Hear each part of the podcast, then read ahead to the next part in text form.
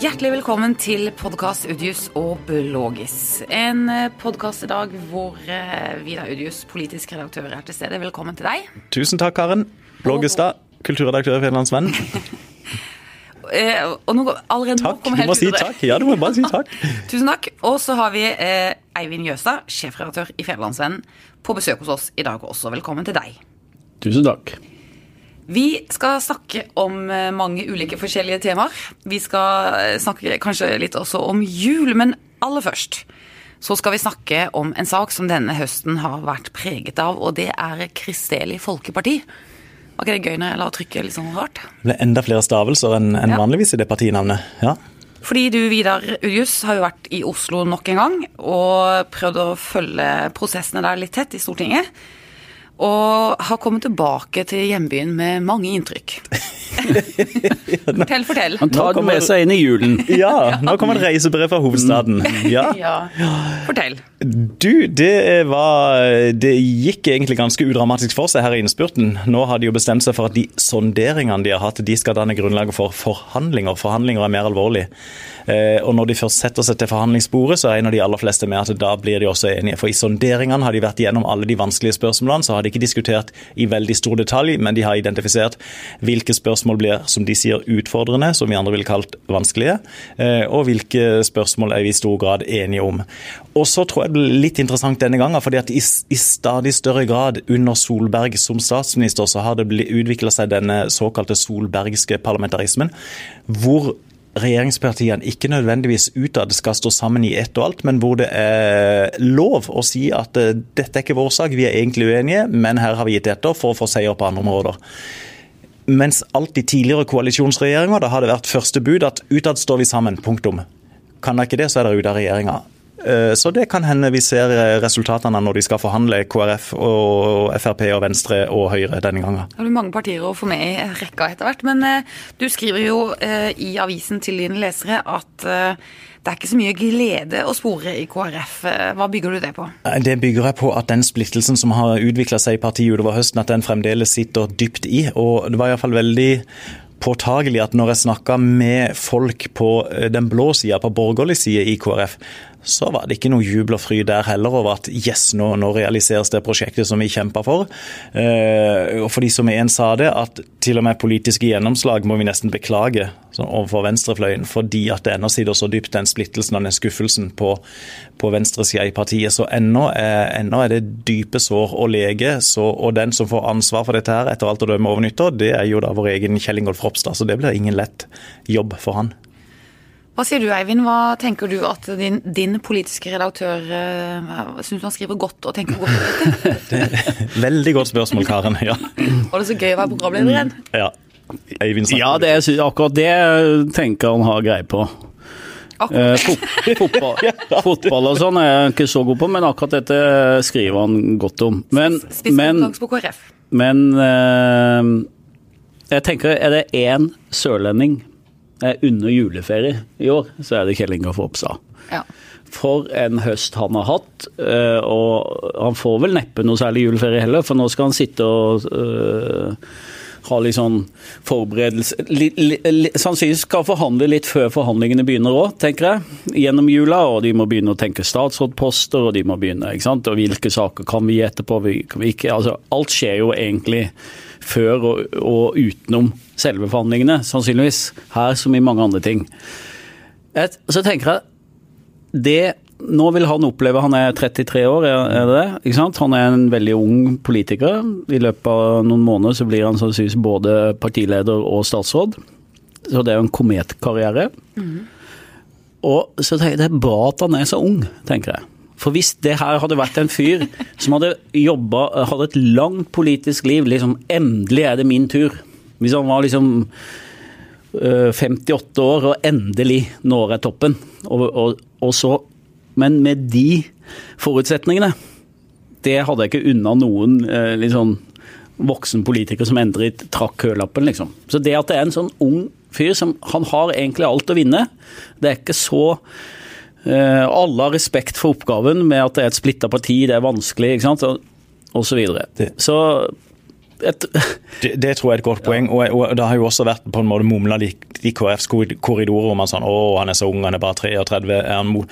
De skal være sjeleglade for at de har en så flink ung politiker som står klar til å ta over er- partiet. Himalaya, altså. Men det er jo, framstår jo som en sånn lederoppgave som er utrolig krevende. Og så vet han at valget da om eh, to og et halvt år, så vil de bli knallhardt målt på om det var et riktig valg å gå til, inn i regjering, og hva har de fått til i den regjeringen. regjeringen. Så det er derfor det blir spennende å se hvilke statsråder de får, og hvem de putter inn i de postene. For jeg tenker, Vi har jo snakka litt om det, Vidar, men jeg tenker jo at det er viktig for KrF å ha noen at de statsrådpostene de får, må være viktige. Og så må det være bekledd med folk som klarer å gjennomføre litt, så ikke de blir Helt enig. Ja. skvisa av rutinerte politikere som Siv Jensen, Erna Solberg og, det, også Trine Skei Grande. Mm. med, nei, Karen, jeg må spørre deg, hvem, eh, hvem er dine drømmestatsråder for KrF? Eller hvem vil du, hvis, hvis, du, hvis du var Kjell Ingolf Ropstad, ett navn du ville tatt med deg inn? Eh, Kjell Magne Bondevik, kan du si. Kjell Magne Bondevik.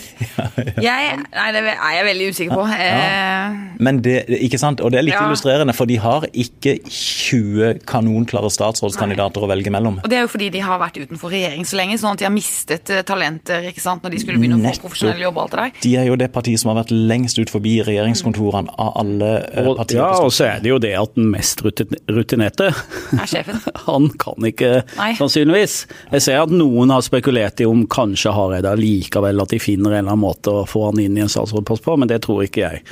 Tror du det? Vidar? Nei, nei, nei, det tror jeg rett og slett Så- ikke, og det ville vært en enorm nedtur for Ja. sjøl. Man kan ikke sitte der og jobbe veldig hardt for at Norge skal bli et kaldere samfunn.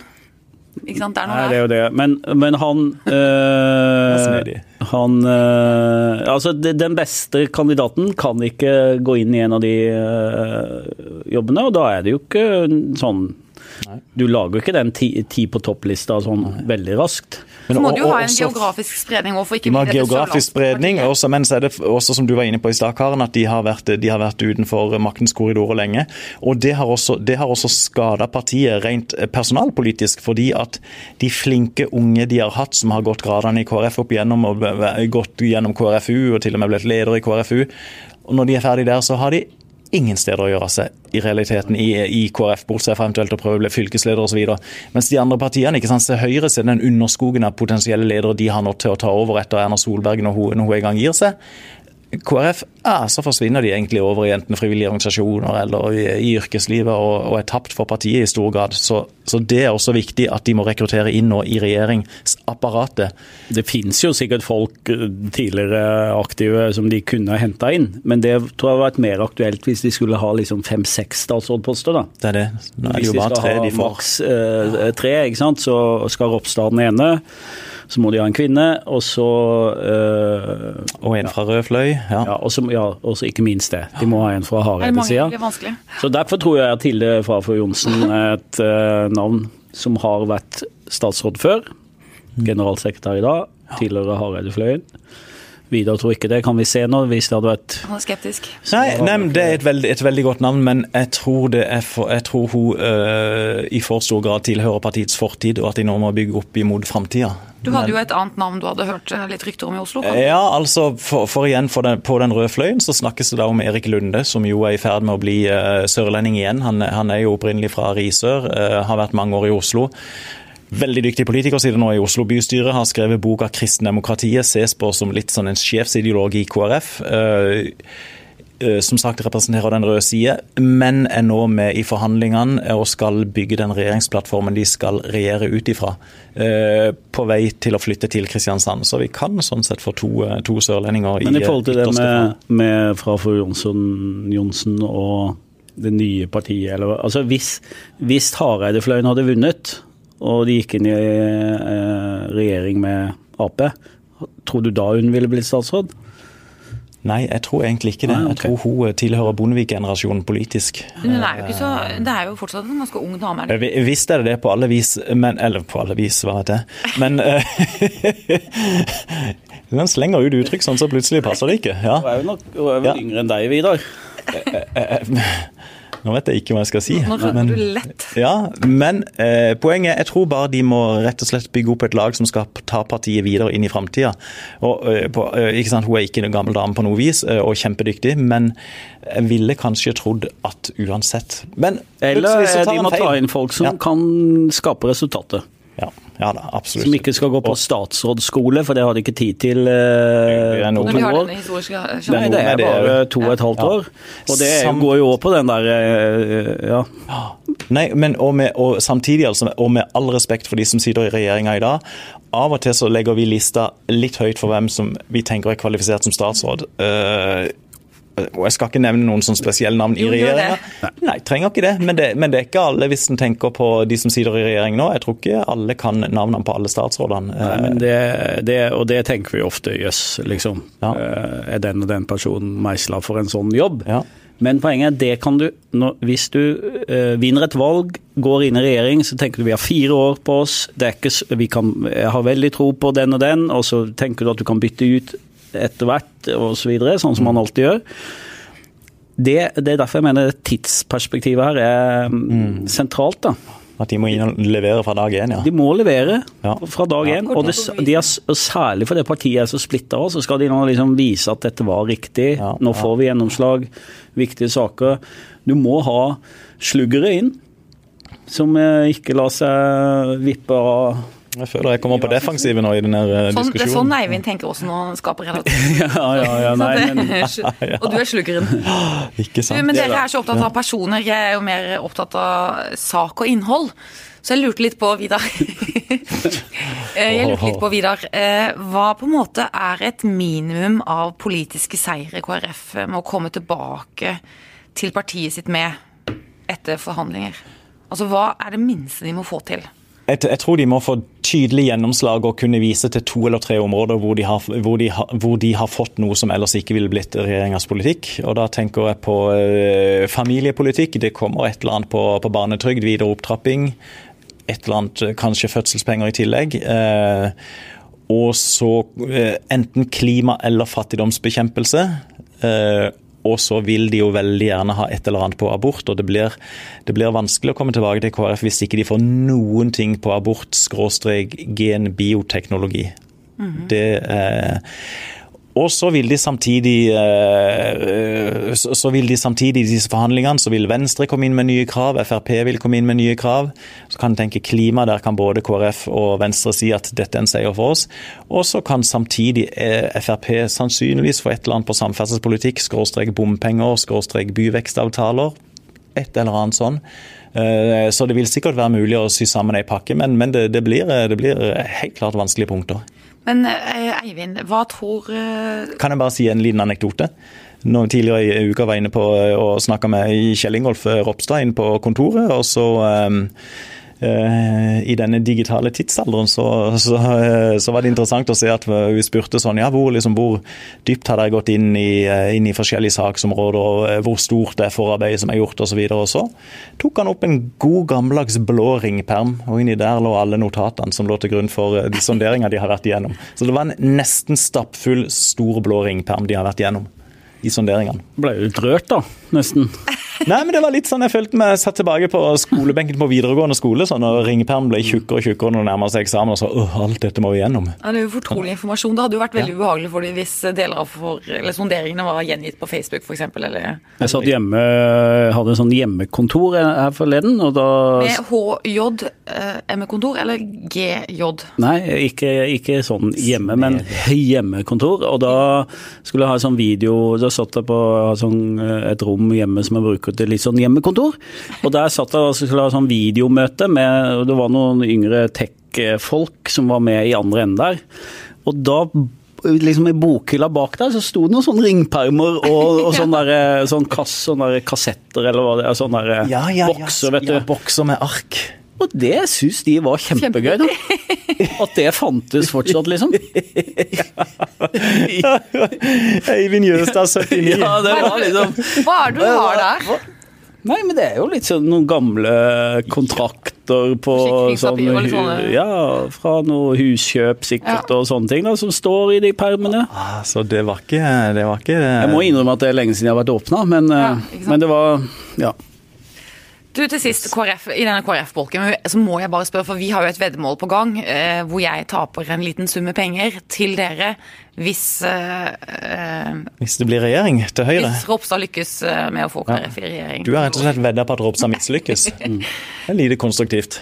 Ja, ikke sant? Men det er jo ikke min jobb, jobb å være konstruktiv heller. Så er litt grei med Karen, så har hun vedda på at Hareide vinner. Ja. Ok. Og eh, Ja. Eh, Uten at vi tok stilling til saken. Bare vi, det var en sånn politisk, basert på politisk analyse. Ja, ja kjølig, en- kjølig politisk kjølig analyse. politisk Ja. analyse. Eh, men eh, prosjektet til Ropstad og prosjektet til KrF nå om å komme i regjering, kan det gå galt? Nei, mener jeg da. For jeg tror alt er så det, det, Disse tingene har de De må bestemt vinne. seg for langt Ja. vei før sonderingene omtrent. Og så er det Ja. litt spill for galleriet. De må gjennom de tingene der, men de, det er klart at eh, det blir noe. Men det er jo et eh, dårlig forhandlingsutgangspunkt at alle vet at Ropstad og KrF eh, må liksom inn. Ja, for KrF kan det være et godt forhandlingsutgangspunkt. Hvordan da? Ved, ja, altså det at det er dårlig stemning i KrF, og at eh, KrF har en, eh, fremdeles en eh, kraftig frustrert venstreside, det kan være et ok forhandlingskort for Ropstad og co. å ta med seg inn i forhandlingene. Ved at de andre vet hvordan det ligger an i KrF, og de må bli enige. Og at statsministeren har investert betydelig politisk kapital i å få dette til. Så ja, det Men du står fast på veddemålet, Karen. Det, Ja, jeg gjør det til ti- veddemålet. Tikroningen er i lufta. Det sitter langt inne. Den sitter veldig langt inne. Men den, Så den, de- og den blir ikke nest, overrakt du er nesten der at du håper de mislykkes, da. Nei, jeg skal jo ikke la hele altså, Det skal ikke Norges politiske framtid være avhengig av min tier eller ikke. Men uh, det er jo gøy politikk i kjølvannet av hele denne høsten og eh, det som skal skje på tidlig vinter. Men uh, jeg, jeg kjenner vel at jeg går på, jeg går på et tap. Hva skjer sånn teknisk på en måte, Vidar, med Hareide framover? Hvordan løser altså hans avgang? Når trer han av? Hvi- Hvis det går den veien vi, vi nå skisserer, så kommer han til å være leder mens de andre forhandler regjeringsplattform. Mens eh, Ropstad forhandler regjeringsplattform. Det starter vel 2.-3. januar eh, sannsynligvis allerede.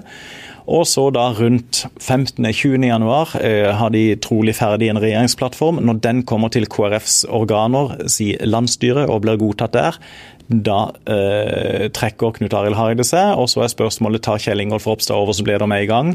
Eller mest sannsynlig Olaug Bollestad konstitueres som leder, fordi hun er først nestleder i dag, konstitueres som leder fram til landsmøtet til våren i april, og så velges etter alt å dømme Kjell Ingolf Ropstad der til leder. Det er, vel sånn de skisserer det i dag. Det siste er det jo ingen tvil om, er det det? Nei, det tror jeg egentlig ikke det.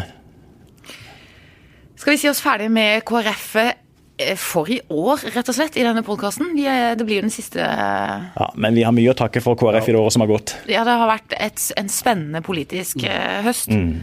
God jul, kan vi si. God til jul. KrF. God jul til KrF. Alle KrF-ere, ja. God jul til og særlig Kjell Ingolf Ropstad. Slapp av. Og spesielt eh, til Knut Arild Hareide også. Ja, Eh, begge to. God jul og slapp takk for gøy politisk kamp. Fantastisk. Eh, vi skal over til den mer lokale politikken. Fordi at eh, vi skal jo snart slå sammen Kristiansand, Søgne og Sogndalen. Og det er jo en diskusjon om hvordan det skal gjøres eh, mest mulig sømløst, og, og hvordan den nye organisasjonen skal rigge seg. Men så viser det, altså, eh, viser det seg nå at stordriftsfordelene, altså pengene vi skal spare på det, de kommer ikke til å dette over oss med en gang, nei. Nei vel? Fem millioner kroner i effektivisering det første året. Det ble dere ikke imponert over. Eivind, du ble litt opptrekt av det. Nei, nei men vi, eh, Hva skal jeg si? Eh, vi har jo visst Ja, og jeg ble, altså det er jo De har en omsetning på hva, hva var det, fem eller seks milliarder? Fem milliarder. milliarder har, har Ja, de. vel Kristiansand i dag, og så blir det jo eh, eh, mer med en ny Det kommune. det er betydelige summer eh, i sving, og, og alle Vi har vært gjennom ganske mye omstillinger i mediebransjen, veldig mange andre bransjer som har vært gjennom store omstillinger. Ofte så fusjonerer man, man slår sammen ting. Eh, For å ta ut det man da kaller stordriftsfordeler og synergier. Og det er jo det jeg tenker at man gjør når man slår sammen tre kommuner. Det er trippelfunksjoner på veldig mange ting. Tre av alt. Men så er det jo sånn de offentlige at de, de pleier jo da ofte å starte med at ingen, ingen vil miste jobben, mm. og alle beholder lønna. Mm. Ingen skal eh, miste jobben, da, skal gå ned i lønn, nei. nei. Og da har de jo et krevende utgangspunkt for å få til altså dette innsparingene. Så, men, men jeg mener jo vi må kunne forvente av at det blir mer eh, effektivt å drive de tre kommunene sammen det enn hver for seg. Skulle jo bare mangle. Hvis ikke det, så er det jo direkte pinlig. Men de, de budsjetterer eller tenker jo at 35 eh, millioner kroner skal være besparelsen de tre første årene av Ja, det er ikke mye. Det er jo heller ikke mye. Nei, det er rett og slett ikke mye. Men jeg tenker en, en grunn til at de i det hele tatt har den debatten, eh, er at det ble politisk ukorrekt å si at ja, vi skal slå sammen kommuner for å spare penger det, hvis kommunene skulle slå sammen for å få bedre tjenester. Ja, Hvorfor ble det så politisk ukorrekt? For nei, fordi at det ble veldig sånn Det var da Jan Tore Sanner var kommunalminister og sånn, så ble det et, et credo at nei, det er ikke derfor. Det er for å få bedre tjenester. Og det var nok litt av frykt for at uh, det gamle høyrestempelet skulle sette sitt preg på den debatten. At å spare penger og fattigdom i kommunal sektor osv. Og, så og sånn, uh, kontra Arbeiderpartiet. Tired of ads barging into your favorite news podcasts? Good news. Ad-free listening is available on Amazon Music for all the music plus top podcasts included with your Prime membership. Stay up to date on everything newsworthy by downloading the Amazon Music app for free or go to amazon.com slash news ad free. That's amazon.com slash news ad free to catch up on the latest episodes without the ads. Som da ville liksom uh, ha et varmere samfunn og, og da en større offentlig sektor. Uh, og, uh, men det må jo ikke forhindre det helt naturlige i at når du slår sammen tre store enheter, så må det jo være effektiviseringsgevinster å ta ut. Det vil jo være aldeles vilt hvis ikke. Jeg skulle jo tro at veldig mange ble veldig misfornøyd med det, og ikke minst Sanner selv. Ære vene, og hvor mange ansatte er det? Hvor, mange, hvor, hvor, hvor store er innkjøpsbudsjettene som skal slås sammen? Eh, tekniske løsninger. Det ble jo nevnt der i den avisartikkelen hvor bl.a. at da de så på forsikringsordningene, så var det tre millioner å tjene bare der. Mm. Ah. Og så står det at ingen skal ned i lønn, men det skal lønnsharmoniseres. Og da tenker jeg jo eh, Det betyr jo egentlig at veldig mange skal opp i lønn, det da. Det må jo bli konsekvensen av det? Jo, iallfall en del. Men det, men det er så men, ja, men så er det jo også sånn at en kanskje over tid kanskje ikke trenger like mange ansatte i hver eneste enhet når du skal slå sammen tre enheter på hvert eneste område og kan rasjonalisere litt igjen. Så, eh, men ja, det, det tenker, hva, hva tenker du Karen? Er det Nei, jeg, sy det, det, uh, må, jeg syns det må være en stor økonomisk besparelse i det. Det jeg synes jo er et sånt eh, stort poeng med kommunesammenslåing. Å effektivisere det og spare penger og gjøre velferdstjenestene bedre. Og så må det jo være måter å gjøre det på. Det er jo en kjempestor sektor med mange felt. Og som vi nevnte, fem milliarder. Altså det er jo det er rart. Det er smått. Og det ble vel sagt i bystyret i går at er monopolpenger. Jeg husker ikke helt hvem som sa det. var det Blattmann, Det var Trond Blattmann, som jo er en veldig trivelig og flink, og flink type, men jeg er veldig uenig med han i, i, det. Og jeg tenker at Arbeiderpartiet bør vokte seg for ikke å bli eh, en politisk fagforening for de ansatte. De må også tenke på innbyggere som betaler skatt, og som skal ha de offentlige tjenestene i kommunene. Men de er jo et parti for offentlig ansatte, i stor grad? I stor grad, men, men, de bør passe seg for ikke bare å bli det. Eh, og da, og da må de også vise reformvilje, tenker jeg. Men det er jo, det er jo i mange sånne reformsaker at Arbeiderpartiet står litt i skvisen. Ref. Eh, fylkessammenslåinga oppe i, opp i Nord-Norge, Troms og Finnmark, mm. og også andre eksempler. Så, men, men, men, her kunne de godt vært mer offensive, vil jeg tenke. Men det er noe med liksom, kulturen du bygger òg. Det er liksom det som er virkeligheten for ansatte i privat uh, sektor over hele landet. Mm. Eh, handler om svingninger i markedet, at, eh, at du blir eh, ja, og at du blir utfordra av ny teknologi og osv. Omstilling er liksom ok, og det er ikke sånn at alt skal eh, for død og liv bli mer effektivt osv. Men det som da eh, tror jeg veldig mange ansatte i privat sektor rundt forbi preges av, skjønner at vi må endre oss. Vi må endre oss. Og hvis beskjeden i utgangspunktet er alt skal bli som før, alle beholder jobben, alt da får du ikke til den endringa. Så det at de som, hvis du tenker på kommunen som en bedrift, så bør de òg sette seg et veldig tydelig mål på besparelser nye måter å jobbe på osv. Så, så det, blir, det må vi følge med på. Eh, av våre, et, et, av våre tydelige oppdrag er å se mm. hvordan den nye kommunen eh, drives, rett og slett. Absolutt.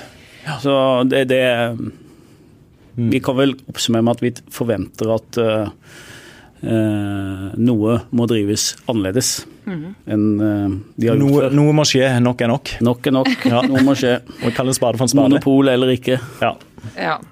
Det, det var så klokt oppsummert at vi setter punktum for akkurat eh, den saken der. Men vi skal holde oss litt i bystyret, for at i går også så ble, var det en større diskusjon i bystyret i Kristiansand om ytringsrommet i eh, Kristiansand, og kanskje Kristiansands region, kanskje spesielt i Kristiansands bystyre.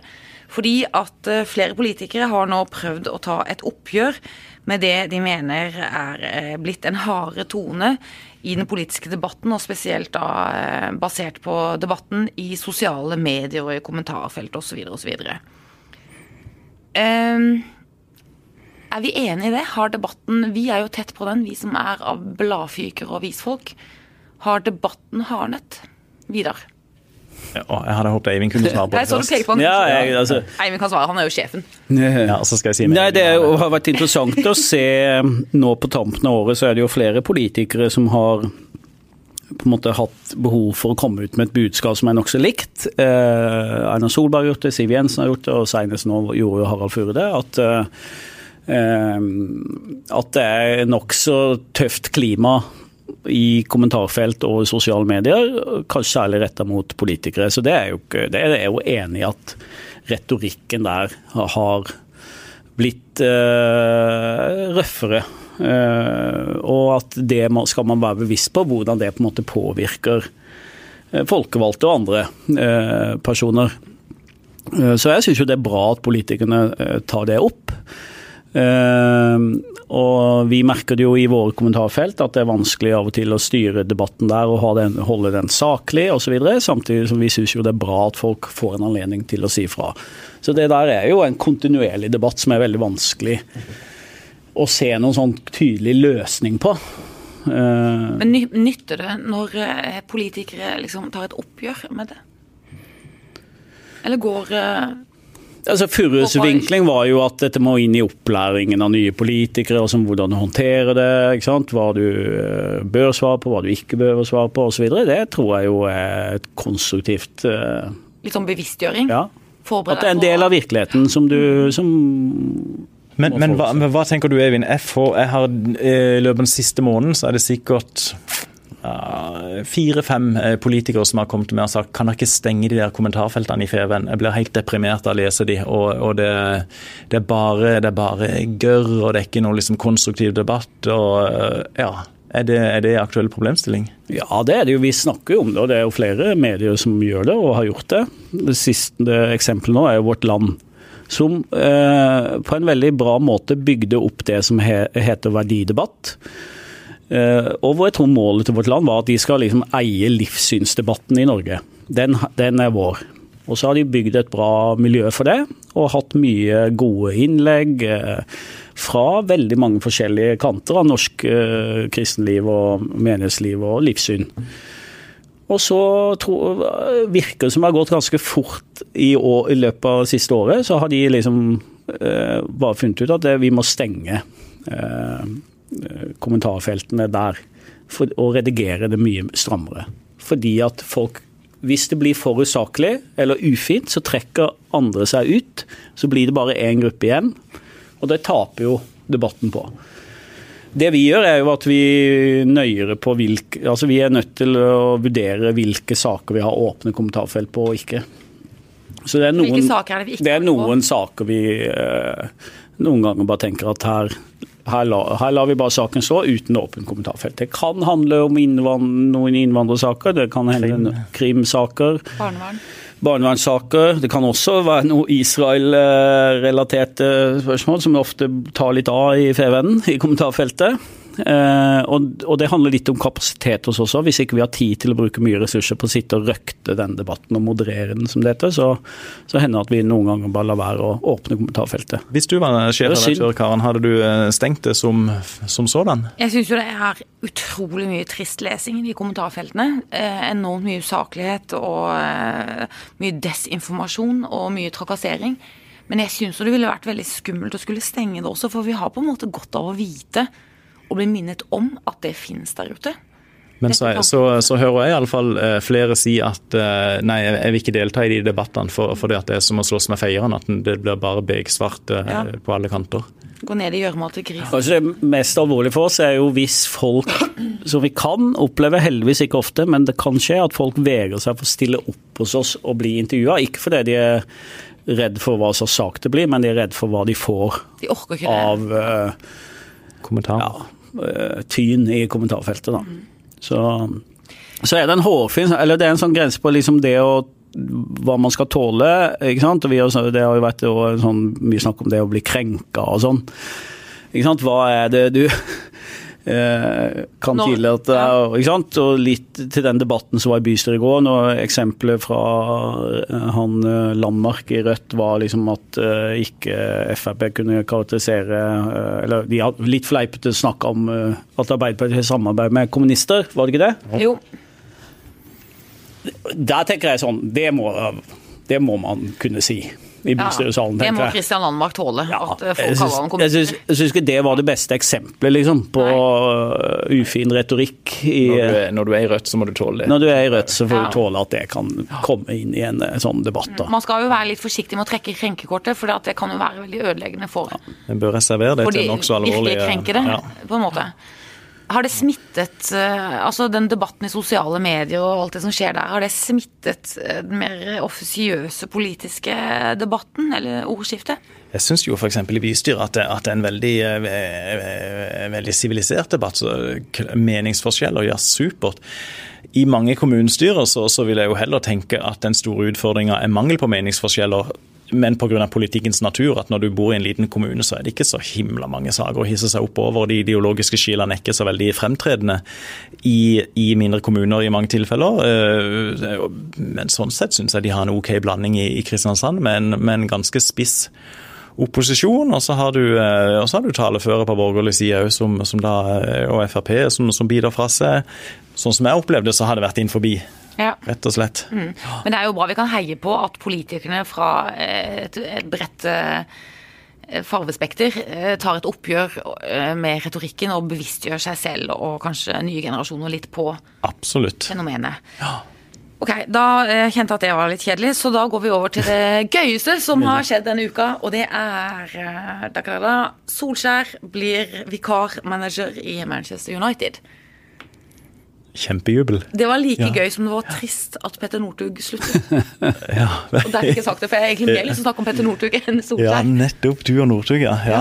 Det er noe der. Du, det er VG klinte jo til og mente at dette var større enn å være generalsekretær i Nato eller FN eller hva var det tredje eksempelet? Uh... Trygve Lie, ja, var det ikke det? ja, det var jo FN, og så er Ja. det Nato, og så var det ett et til? et, en sånn stor Jeg ble helt flau. Jeg ble helt flau. kanskje? Et eller annet sånt. Jeg ble helt flau over at Norges største avis mener det i, i, antagelig i fullt alvor. Ja, for og det, øyeblikk. Men jeg tror ikke de Eh, mente at fred i verden var like viktig som at Manchester United skal levere. Nei, men, det- men det sier litt ja, Og jeg, jeg har kjempesans for Solskjær. Syns han er en fantastisk type, og veldig gøy at en sympatisk eh, kar kan få en sånn eh, toppjobb i internasjonal fotball. Utrolig gøy. Eh, men hvor små er vi, da? Også at statsministeren og Jonas Gahr Støre er kappes om å tvitre og gratulerer. Det er det verste. Og det, og det er så er lite. Og er er vi, er vi, en liten, er er vi en liten bydel i London eller et eller annet sånn grisgrendt strøk i nord i Skottland eller noe sånt? Hva er det for noe? Og dette her, så- ikke sant, som VG trekker fram. Ja, OK, fotball er en vanvittig svær sport og sinnssykt gøy, men det er altså flere land i verden enn England hvor det spilles fotball, selv om ikke det virker sånn når en ser på TV 2 og, leser VG Sport. Jo, men rett, jo, men rett og slett. Og England er så helt vanvittig stort, og det, og det jazzes opp. Og så har du United som har fått en vikarmanager. United ligger på hva er det, sjette-syvendeplass, håpløst langt etter. Og de skal ha han fram til sommeren. Okay. Kjempegøy, og punktum. Men OK. Men det høres ikke ut som du syns det var gøy i det hele tatt. Litt Ida, for det. Jo, jeg ble, jeg ble så provosert over de som Men nå kan Eivind ta Nei, men det er jo Hallo. Det er verdens største fotballklubb. Det er Basert på Er det budsjetter, det? Eller ja, alle på, sier det? på omsetning, ja. Ja. Og er interesse og følelser, det er jo en stor det er vel omtrent som Kristiansand kommune eller noe sånt i omsetning. Eh, Jeg lurer på om det er noe av det samme. Og så er det jo det, land, det laget i verden som treffer breiest rundt om i verden. De er større enn Juventus, Vidar. Og, Det er mulig, men og de, treffer de bredere, ja. og det er jo for nordmenn, som, hvor det er dessverre altfor mange United-supportere, så eh, er det jo stort. Hvilket lag er det du Eivind heier på i engelske engelsk liga? Arsenal, er det. Ja, Det var en veldig engelsk uttale du hadde. Ja, bra uttale. Eh, Men nok om det. Det er, er min tanke når, når ryktene begynte å svirre, er at det er ikke mulig. Det er vilt. Det er helt vilt hvis en nordmann blir manager i- og sjef for United. Så det er det jo. Og jeg øh, jobber med Ja, ingen har spurt deg nå. Nå holder du munn en liten stund. Nei, nei så jeg tenker, men jeg tenker han har jo Altså, Vi snakker om Ropstad i stad, som har en del sånn kleine forutsetninger for å, å lykkes. og tenker jeg Solskjær har liksom Det er gud benåda timing på å komme inn der. Han har liksom Av de spillerne han har, så er sikkert alle på topp 100-lista i verden. ikke sant? Han har det laget. De er sultne på å lykkes. Så han kan jo Men han har kort tid å bevise på ja, ham. Ja, hvis ha sjanse Men han har liksom Hvis ikke det går, så er ikke det noe Nei. Hvorfor får han eh, vikariatet? Det er sikkert andre som er mer respekt på meg, men jeg tror det var det noe litt sånn De De eh, må tilbake til noe. Ikke sant? De har prøvd mange trenere etter legenden Ferguson, og så skal de liksom finne tilbake til gode, gamle kulturen. Minner litt om Rosenborg, som aldri fikk det til etter Nils Arne Eggen. Nei, Og så måtte ja. de to- tok de inn Kåre Ingebrigtsen, og så ble det veldig suksess. Og begge de poengene er jo et kjempeparadoks. Det er jo en enorm nedtur for Manchester United at Alex Ferguson fremdeles har noe å si for hvem som skal være manager. Hva er det for noe? Det er, mange, det er flere år siden. De drømmer seg tilbake til en periode som aldri kommer tilbake. De må si goodbye. Ferguson. Vi, vi skal inn i en ny tid, spille fotball på en annen måte. Og, øh, og så trekker de øh, å, så, Du, jeg holder jo ikke med United, så jeg syns det er Nei, ganske det mye på. ganske humoristisk òg, rett og slett. At en sånn svær bedrift og et sånn svær konsern, så, så er det, så er det to, blant de to aktuelle navnene hans er Ole Gunnar Solskjær, fordi han har vært spiller i United og så har han trenerkarriere i Norge. Enig i det. Den andre som trek, har blitt trukket fram, er en av de andre, Erik Cantona. Hæ? Fordi at han har vært god til å spille fotball? Hva er det for noe? Du skal jo, ha, du skal jo opp blant verdens dyktigste trenere på en sånn stor klubb. Igjen, all respekt for Solskjær, og jeg synes, for, for en fantastisk mann. Kan dere huske da kan dere huske da han var trener for Molde, og de spilte her på stadion Det var vel forrige gang Start var oppe, før Start har jo rykka ned hver gang de siste årene de har vært oppe. Men også denne gangen rykka de ned. Men da spilte vi hjemme mot Molde. Molde hadde hele banespillet, leda. eh, og så, Det var over 90 minutter var passert, og så Mathias Rasmussen, som senere ble solgt til Danmark. Han fikk bare full treff på et skudd fra jeg tror det var rett ut forbi 16-meteren. Litt sånn Volley-aktig. Dunk i krysset, og så ble det 1-1. Enormt urettferdig. Hva sier Solskjær etter kampen? Sånn et skudd fortjener et poeng, sier han. Sympatisk, mener vi. da. Ja, men, og stort. Veldig fantastisk flott type. Men du har null tro på at han kan lykkes og bli permanent uh, Ja, det, jeg, har null tro, jeg har tro på at han kan lykkes, men null tro på at han blir permanent. veddemål? Veddemål. Ja, det det hører kroner? Kim til Ja, ja, ok. Ja. Nei, jeg, jeg, ja, kom igjen. jeg vil jo alltid heie på de som går litt motstrøms og er, viser mot. Og jeg syns jo Solskjær gjør det. Tar på seg denne jobben og skal bevise store ting i løpet av kort tid. Så jeg heier på og tror at han blir permanent ti kroner på at han blir permanent. Eivind? Nei.